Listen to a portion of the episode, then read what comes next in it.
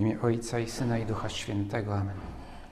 Panie mój Boże mój, wierzę mocno, że jesteś tu obecny, że mnie widzisz, że mnie słyszysz. Uwielbiam Cię z najgłębszą czcią. Proszę Ciebie o przebaczenie moich grzechów i łaskę owocnego przeżycia tego czasu modlitwy. Matko moja niepokalana, święty Józefie Ojcze i Panie mój, Aniele stróżu mój, wstawcie się za mną. Jezus opowiedział swoim uczniom następującą przypowieść. Królestwo Niebieskie podobne jest do gospodarza, który wyszedł wczesnym rankiem, aby nająć robotników do swej winnicy. Umówił się z robotnikami o denara na dzień i posłał ich do winnicy. Słuchamy tej Ewangelii we wrześniu, zresztą co roku ona wypada mniej więcej we wrześniu, w niedzielę wrześniową.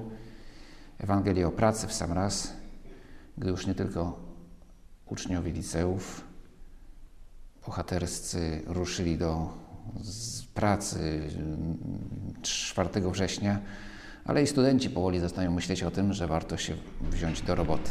Oczywiście tutaj trochę sobie żartuję, bo pewnie większość studentów we wrześniu pracuje, już odbywa jakieś staże i tak dalej. Niektórzy toczą boje w kampanii wrześniowej, to znaczy w sesji poprawkowej.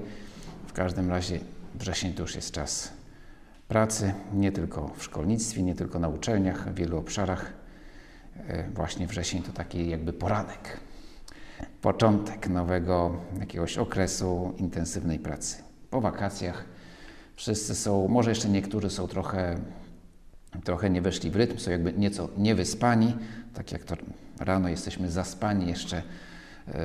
Niby był nocny odpoczynek, odpoczęliśmy śpiąc oby, no ale wstajemy i czujemy się, że jeszcze byśmy chętnie potrzebowali jeszcze drugie tyle snu. Tym niemniej już po pewnym czasie, szczególnie po jakiejś mocnej kawie, czy herbacie, czy w inny sposób obudzeni, e, ruszamy w wir naszych codziennych zajęć. W przypowieści gospodarz jest pierwszym, który wychodzi do pracy. Skoro świt idzie szukać robotników, bo jego praca polega na tym, żeby znaleźć robotników, żeby zorganizować ich pracę, a potem sprzedać zbiory, które, które robotnicy uzyskają poprzez swój trud. I, i te, dzięki temu będzie mógł robotnikom zapłacić. To jest praca gospodarza, tego, który kieruje pracą. Jest to ciężka praca. Jak widać, gospodarz traktuje ją poważnie, bo zrywa się skoro świt. Bez gospodarza i tej jego pracy nie byłoby nic, nie byłoby winnicy, nie byłoby, robotnicy nie mieliby co robić. Gdyby zabrakło robotników, zbiory byłyby, by, byłyby mniejsze, ale jakieś by zawsze były. Więc można powiedzieć w tej przypowieści, gospodarz jest kluczowy do tego, żeby całe przedsięwzięcie się udało. Zaś każdy z robotników z osobna ma swój wkład, choć nie jest to wkład decydujący, ale gospodarzowi zależy na tym, żeby oni przyszli. Chce ich mieć w swej winnicy, chce, żeby mu pomogli w tym przedsięwzięciu. Ta przypowieść, sam Pan Jezus od razu na samym początku daje klucz, jak, no, jak ją należy rozumieć. To jest przypowieść o Królestwie Niebieskim. Słowo niebieskie, to znaczy pochodzące czy przynależące do nieba, troszeczkę może mylić, bo możemy myśleć, że to chodzi o to, co będzie po śmierci, o, po naszej śmierci, tutaj o życiu wiecznym, to co nazywamy niebem. Ale to jest akurat to, że, że, że tak to zostało zapisane przez Mateusza, wynika z faktu, że jako pobożny Żyd nie lubił pisać słowa Bóg, a nie dlatego, że, że, miał, że nie miał wiary, ale właśnie dlatego, że dla Żydów wymawianie, no, wymawiać imienia Boga w ogóle nie mogli, ale, e, ale nawet mówienie Bóg bez imienia też tego e, byli powściągliwi. W związku z tym określenie Królestwo Niebieskie u Mateusza po prostu on pisze Królestwo Niebieskie, ale wiadomo, że chodzi o Królestwo Boże. To znaczy o to wszystko, co Bóg tutaj dla nas na ziemi, na ziemi i, i, i wieczności czyni. i do czego zaprasza ludzi. Królestwem Bożym na pewno będzie dla każdego z nas niebo, jeśli tam dojdziemy. Ale Królestwo Boże zaczyna już się tutaj na ziemi. Wszyscy, którzy kochają Boga, wszyscy, którzy starają się lepiej lub gorzej, tak jak potrafią odpowiedzieć na Jego wezwanie, są już w tym Królestwie.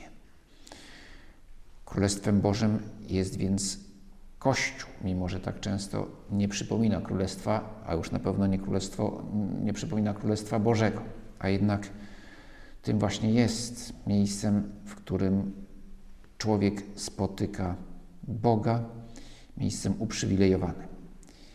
E, uprzywilejowanym nie dlatego, że ludzie tak sobie to dobrze wymyślili, ale dlatego, że Bóg tak chciał, że Ty, Panie Jezu, tak chciałeś, abyśmy tworzyli wspólnotę, która nazywa się Kościół. Oczywiście instytucja jest tutaj na drugim miejscu, choć też jest ważna, ale przede wszystkim Kościół to my wszyscy, którzy z Tobą, Panie Jezu, jesteśmy złączeni przez sakramenty i którzy razem z Tobą chcemy pracować, aby to królestwo się poszerzało.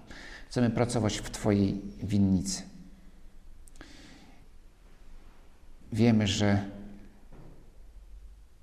właściwie wszystko zależy od Ciebie. Gdybyśmy my zawiedli, to Ty nie zawiedziesz. I my tak często zawodzimy.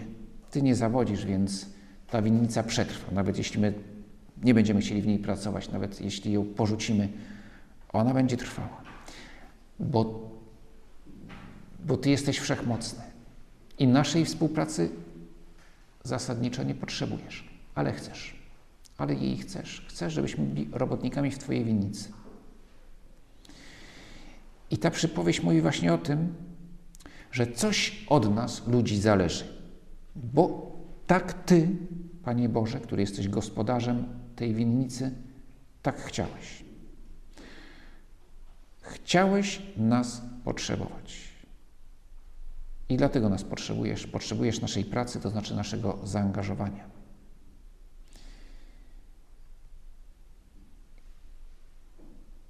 Od nas więc coś zależy. Ode mnie zależy, czy przyjmę Twoją miłość. Tylko Ty możesz mnie zbawić. Ja sam siebie zbawić nie mogę.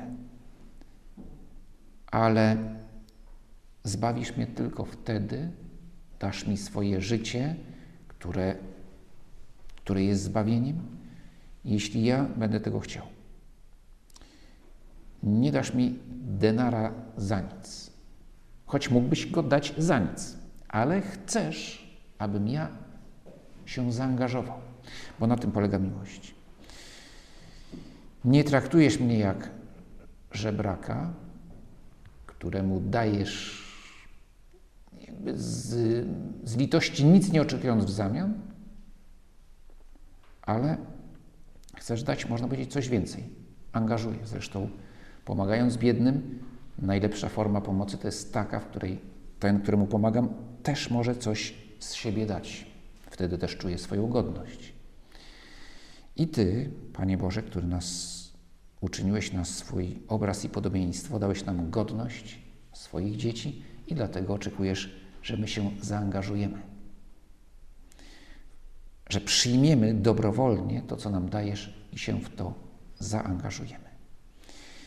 I o tym jest ta przypowieść. Nie tylko o tym, ale również o tym. O tym, że człowiek, że Bóg oczekuje od człowieka odpowiedzi, a ta odpowiedź polega na tym, że angażuje się w boskie przedsięwzięcie, w tą boską winnicę. Czym jest ta winnica? Najpierw jestem nią ja sam. To znaczy, moja odpowiedź na łaskę to jest to wszystko, co nazywamy mm, no, różnie nazywamy, właśnie chciałem znaleźć jakieś, jakieś słowa, ale słowa są różnymi pojęciami to określane. Takim pojęciem mm, może najczęściej używanym jest albo może tak, pojęciem takim fachowym w teologii to jest walka ascetyczna. Ale samo słowo ascetyczna już powoduje ból zębów.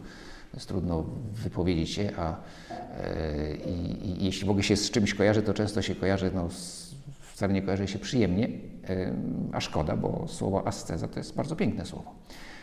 No więc prostsze określenie praca nad sobą. Ale praca nad sobą po co? Zresztą ono jest akurat bardzo biblijne, bo właśnie Pan Jezus mówi o pracy w winnicy. Ale co to znaczy, że nad sobą pracuję? Że przyjmuję dary, które Bóg mi daje. I ten wysiłek, żeby każdego dnia stawać się lepszym, żeby pogłębiać czy budować, wykuwać cnoty, a więc dobre nawyki, które ułatwiają mi czynienie dobra, czy walka ze swoimi wadami, to wszystko jest już odpowiedź. To jest właśnie ta moja praca w winnicy. Bez gospodarza nie miałaby żadnego sensu. Bez gospodarza w ogóle by nie było winnicy, także on musi mnie zaprosić. Zaprosić, zatrudnić, można powiedzieć. Ale chcę, żebym i tak naprawdę większość roboty i tak jeszcze on za mnie wykona. Ale chcę, żebym jednak też się angażował. Dlatego, kiedy czasami może odczuwamy właśnie ciężar, widzimy jako ciężar to, że, że tak jest mi trudno z, zmieniać swój charakter, czasami widzę, że mam różne wady, ale, ale też praca nad sobą tak wiele mnie kosztuje, nie widzę jej efektów, nie widzę jej owoców, a co najmniej nie widzę ich od razu, że się zniechęcam. Myślę sobie, ach Panie Boże, jakbym był chciał, gdyby tak, gdyby tak wszystko było trochę łatwiejsze. Gdyby mi się tak chciało, jak mi się nie chce. Tak, niektórzy mówią, jakby, tak jak bardzo bym mi się, jak bardzo bym chciał, żeby mi się chciało, tak bardzo mi się chciało, jak mi się nie chce. No bo właśnie, mamy wielkie jakieś i, i bardzo dobrze, że mamy jakieś pragnienia, marzenia co do siebie samych, co do kim byśmy chcieli być, no ale potem się to rozbija o rzeczywistość, że, no, że bardzo daleko mi do tego ideału który, który może widzę, ale to nie znaczy, żeby z tego ideału rezygnować.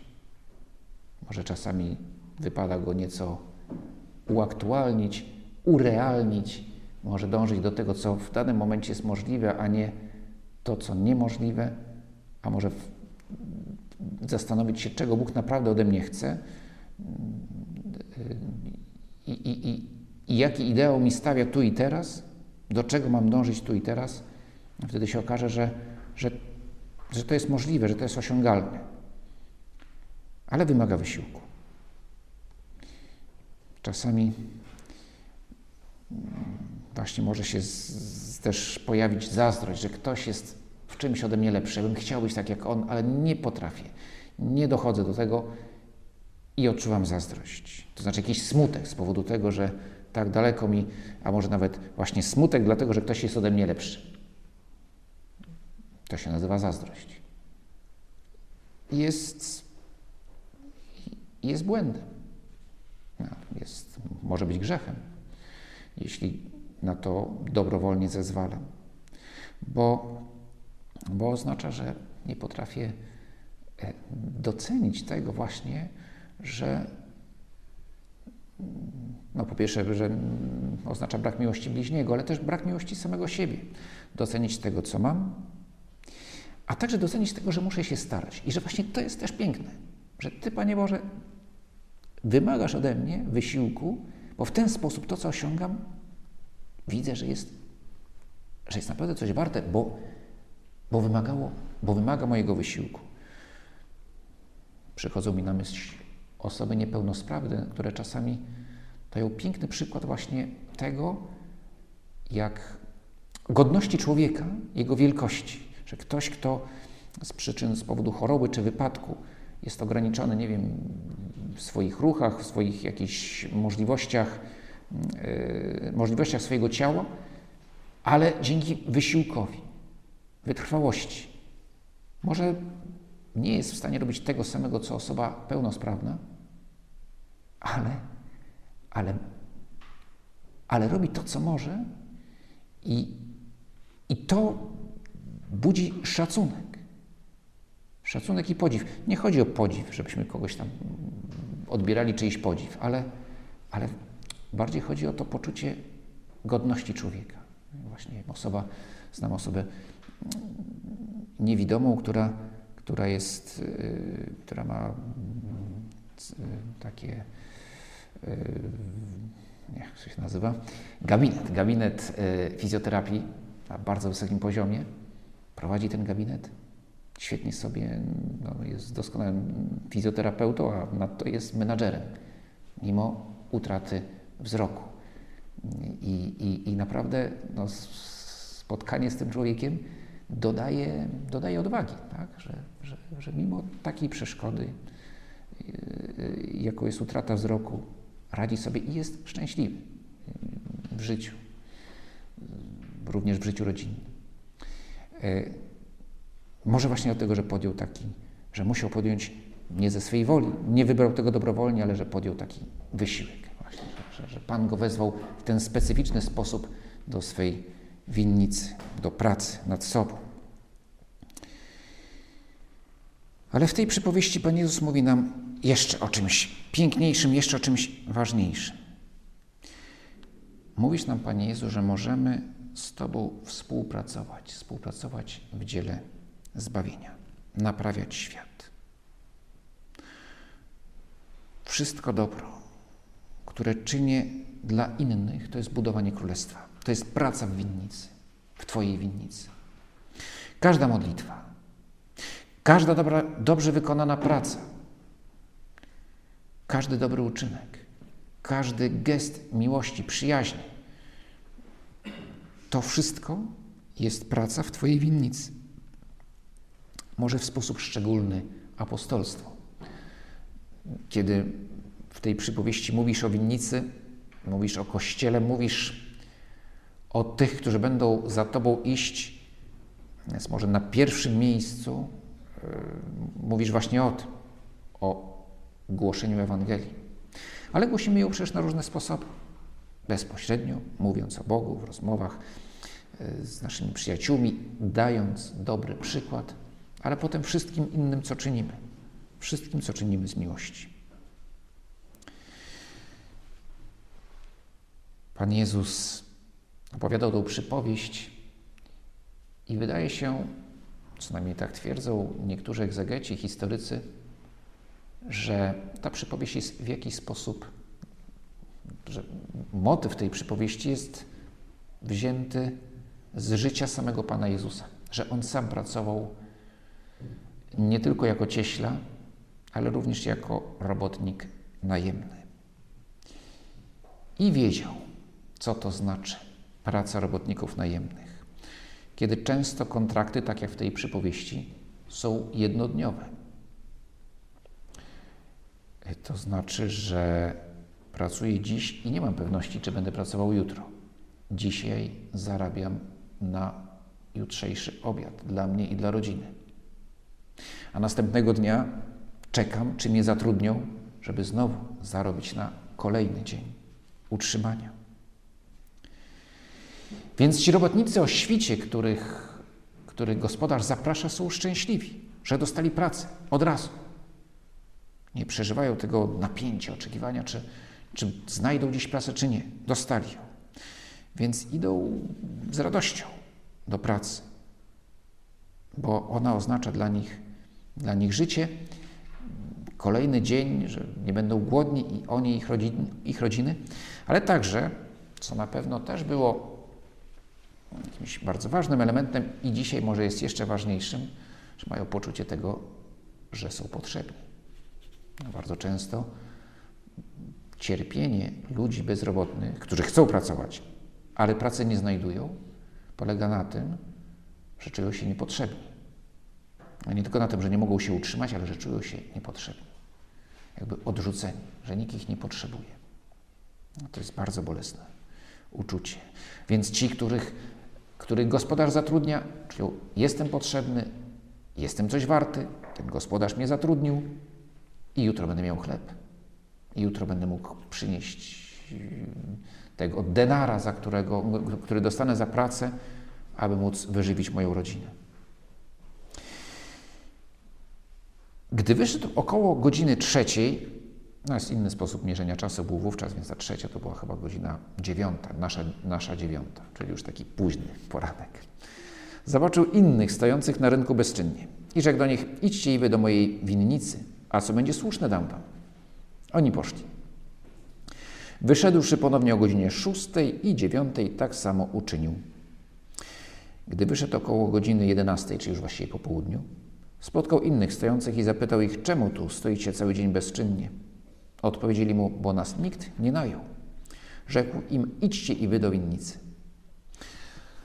Słuchacze tej przypowieści myśleli pewnie dziwny to gospodarz. W szczególności, jeżeli wśród słuchaczy byli też gospodarze. Jaki to ma sens? Godzinę? Za godzinę pracy? Co to się nie opłaca? To już lepiej, że trochę mniej tych winogron będzie zebranych, ale po co płacić jeszcze tym, co tylko godzinę pracują? E, ale, no zresztą dalej w dalszej części przypowieści to zobaczymy, że gospodarzowi zależy na tym, żeby jak najwięcej ludzi w jego winnicy pracowało. Zależy mu na robotnikach, na winnicy i na robotnikach. A w pewnym sensie może nawet bardziej na robotnikach niż na winnicy, choć tutaj można by rzec, że, że oba, że i winnice, i robotnicy to jest ta, w kontekście przypowieści to jest ta sama wartość, bo to jest, to jest właśnie królestwo, które jest dla owych robotników. Kiedy Pan Jezus mówi o tym, że, że Królestwo Boże jest jak owa winnica, w której pracują robotnicy, no to ona jest. E, sami robotnicy są wartością dla tego królestwa. I taki właśnie jest Bóg, jak ten gospodarz, który, któremu bardziej zależy na robotnikach niż na zbiorach. Bo dla niego wartością jest winnica, w której pracują robotnicy, a nie po prostu winnica. Że ta winnica ma sens dopiero wtedy, kiedy są w niej robotnicy. I Pan Jezus miał pewnie w pamięci sytuację, gdy rano nie udało mu się dostać pracy, bo może nie było potrzebnych tylu robotników. I potem czekał następną godzinę, dwie, i wreszcie przychodzi następny gospodarz i znowu i wziął tylko pięciu, a tam jeszcze kilkunastu czeka. I wreszcie gdzieś tam po już przed południem wreszcie dostał zatrudnienie. Na pewno nie zdarzało się jednak tak, że ktoś tam zapraszał czy, czy, czy, czy wynajmował kogoś na jedną godzinę. A ten gospodarz z przypowieści tak.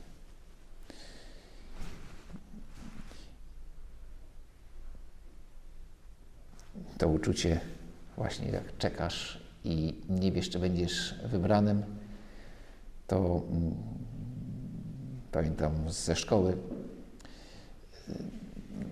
Co tu dużo gadać, nie byłem najlepszym piłkarzem w klasie. Raczej tak w niższych, e, dość nisko w klasyfikacji piłkarskiej e, i kiedy było na WF-ie, dzieliliśmy na drużyny, no to na było tak, że ci najlepsi wybierali skład do swojej drużyny. I po kolei. Jeden, że ci najsłabsi czekali, no, żeby, żeby mnie ktoś wziął nie jako ostatniego, chociażby przedostatni. Ja miałem paru z tych wśród tych najlepszych było kilku moich kolegów takich dobrych, także zawsze jakoś się udawało lądować powyżej, nie, nieco wyżej, być wcześniej wybranym niż wypadałoby to z hmm, rankingu takiego użyteczności, realnej użyteczności w drużynie. Ale no była to właśnie to była na zasadzie tego gospodarza, prawda? A chodź i ty, chodź i ty, no chodź na jedną godzinę, tam może sobie na obronie troszeczkę tam po, po, postoisz, to coś, coś tam może z ciebie będzie. No więc ten gospodarz bierze wszystkich. Wszystkich Pan wzywa. I, I głupotą byłoby na to wezwanie nie odpowiedzieć i niewdzięcznością. A gdy nadszedł wieczór, rzekł właściciel winnicy do swego rządcy: Zwołaj robotników i wypłać im należność, począwszy od ostatnich aż do pierwszych. Przyszli najęci około 11 godziny i otrzymali po denarze. Co ciekawe, on im nie mówi tym z kolejnych godzin nie mówi, ile dostaną. Mówi, mówi tylko, dostaniecie tyle, ile dostaniecie. Co słuszne, wam dam. Tym z pierwszej godziny mówi denar, a pozostałym mówi, co słuszne, to wam oddam. I dostali po denarze. Przyszli najęcie koło 11, gdy więc przyszli pierwsi, myśleli, że więcej dostaną, ale i oni otrzymali po denarze. Wziąwszy go, szemrali przeciw gospodarzowi, mówiąc: Ci ostatni jedną godzinę pracowali, a zrównałeś ich z nami, którzy znosimy ciężar dnia i spiekotę. Na to odrzekł jednemu z nich: Przyjacielu, nie czynię ci krzywdy. Czy nie o denara umówiłeś się ze mną? Weź co twoje i odejdź. Chcę też i temu ostatniemu dać tak samo jak tobie. Czy mi nie wolno uczynić ze swoim, co chcę? Czy nadto złym okiem patrzysz, że ja jestem dobry? Tak, ostatni będą pierwszymi, a pierwsi ostatnimi. Jak to rozumieć? Na pierwszym miejscu trzeba wziąć pod uwagę, kto słucha Pana Jezusa. A wśród tych, którzy go słuchają, jest wielu faryzeuszy albo co najmniej zwolenników tej grupy religijnej, zaangażowanych religijnie Żydów, którzy uważali, że skrupulatne wypełnienie przepisów prawa mojżeszowego jest wystarczającym warunkiem, aby no właśnie wejść do Królestwa Niebieskiego, choć też do końca nie było jasne, co oni przez to Królestwo Niebieskie rozumieli. No ale osiągnięcie zbawienia, otrzymanie łaski, że na łaskę się zasługuje poprzez wypełnianie przepisów prawa, e, co jednak często prowadziło do różnych wykrzywień i, i, i, i Pan Jezus te wykrzywienia prostuje. Musi prostować. Jednym z wykrzywień jest oczywiście pycha i tutaj gdzieś ten element tej pychy, zarozumiałości znajdujemy w słowach owych, owych robotników z 11 godziny, e, przepraszam, z pierwszej godziny, ale także błędne postrzeganie tego, czym jest praca, zaangażowanie w Królestwo Boże. Czym jest ta nasza odpowiedź na Boże wezwanie? Bo tutaj, bo, bo dla faryzeuszy, znaczy bardzo łatwo te ich myślenie prowadziło do, do, do takiego schematu. Bóg nakłada na nas ciężary, no cóż, nakłada. Nie wiemy dlaczego nakłada, ale nakłada. Ciężkie to jest, no ale trzeba jakoś to dźwigać, ale w końcu kiedyś dostaniemy za nasz trud zapłatę. Yy, przykazania to taka zapłata za przynależność do, elitarnego klubu, która się nazywa Naród Wybrany, a w ramach tego klubu do superklubu, który się nazywa Ci Najlepsi, czyli my, faryzeusze. Bo my jesteśmy skrupulatni i przestrzegamy i w ogóle jesteśmy świetni, wybrani. Yy, I teraz, gdy do tego klubu trafiają mniej zasłużeni, no to i są w tej samej w tej samej kategorii co my, no to pojawia się irytacja, złość. No jak to? Myśmy się tyle nas starali, a, a ci za nic mają tą samą pozycję co i my. E, cóż to znaczy? Że przykazania były dla nich tylko ciężarem. I, I Pan Jezus na pierwszym miejscu mówi o nich właśnie, że pomyliliście się nie zrozumieliście, że denar to jest owszem zapłata, ale na pierwszym miejscu praca w winnicy jest honorem, zaszczytem i radością. I że nie, że nie cieszycie się z tego, że możecie ze mną być w winnicy. A przecież to jest pierwszy powód do radości. Ten denar jest dopełnieniem. I, i niestety te, ten, ten, problem faryzeuszy to nie jest problem tylko tej grupy religijnej tam w pierwszym wieku w, w Palestynie, ale to jest problem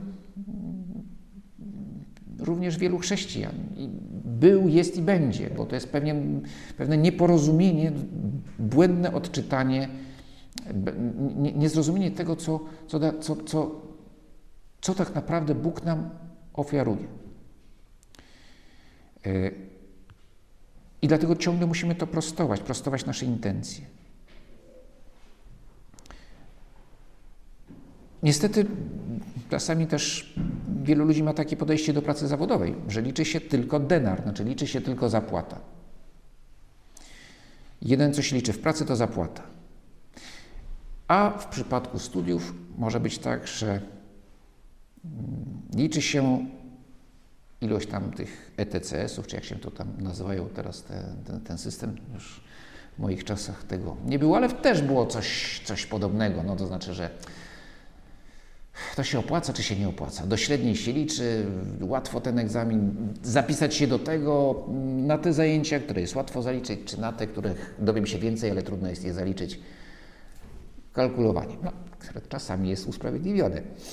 No bo życie jest takie, że czasami trzeba kalkulować. Ale jeżeli tylko wszystko się sprowadza do tych ETCS-ów, Hmm, no to w pewnym momencie sobie ktoś zadaje pytanie, po co jestem na tych studiach? No, żeby się przeturlać i dostać dyplom. No dobrze, i po co dostać dyplom? Żeby po przeturlaniu się przez studia dostać pracę. I po co tą pracę? No bo jeżeli nie ciekawi Cię to, co studiujesz, to jak się ma ciekawić praca? No żeby jakoś żyć, no tak, żeby móc na wakacje jeździć i w ogóle jakoś się na najpierw w ogóle utrzymać. Dobrze. Bywa niestety, że nie z, nie z naszego wyboru możemy się znaleźć w takiej sytuacji, że na pierwszym miejscu będzie się liczyło to, ile zarabiam. E, I, i, I, ta praca, która jest, jest i chociaż mnie nie interesuje, to ją wykonuję, bo nie ma innej. Ale, ale jeśli to jest główna motywacja i jedyna, zarobek, e, albo właśnie na studiach, e, zaliczenie, łatwe przejście, jak, najłat, jak najmniejszym kosztem przejście przez ten czas nauki, no to szkoda, bo wtedy bo nie doceniam, nie widzę, nie znajduję radości w tym, co robię.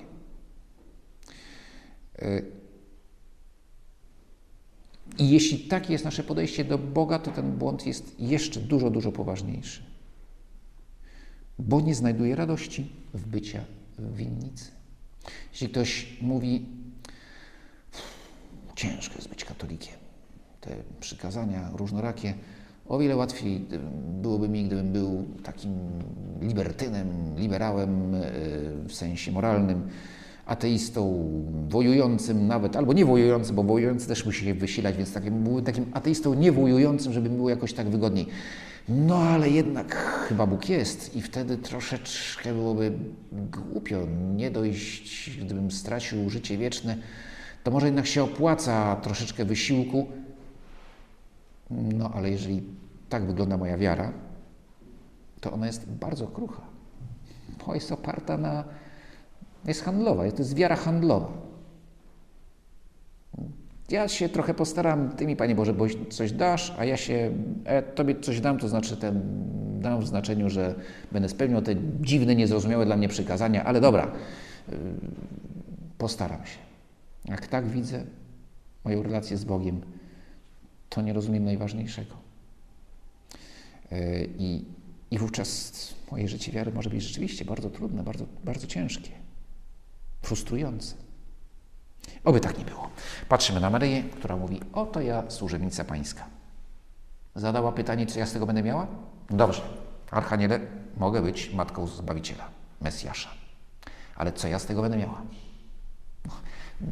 Stawiam oczywiście to absurdalne pytanie, bo ono jest absurdalne, bo, bo nawet przez chwilę nie przeszło jej przez myśl zadać takie pytanie, bo ona już, bo to pytanie nie miało żadnego dla niej sensu bo dla niej radością było to, że wypełnia wolę Boga. I to było jej największe szczęście. I nie zadała sobie, co w zamian. Nic w zamian. To już jest wszystko. I to już jest moje, mo, moja radość. A co potem? Będę królową nieba i tak dalej. Nie, to, to, to w ogóle dla Maryi nie miało znaczenia. Znacznie miało być, było tylko to, że, że odpowiadam Bogu na Jego miłość. I takie było jej życie. Oby nasze życie było również takie.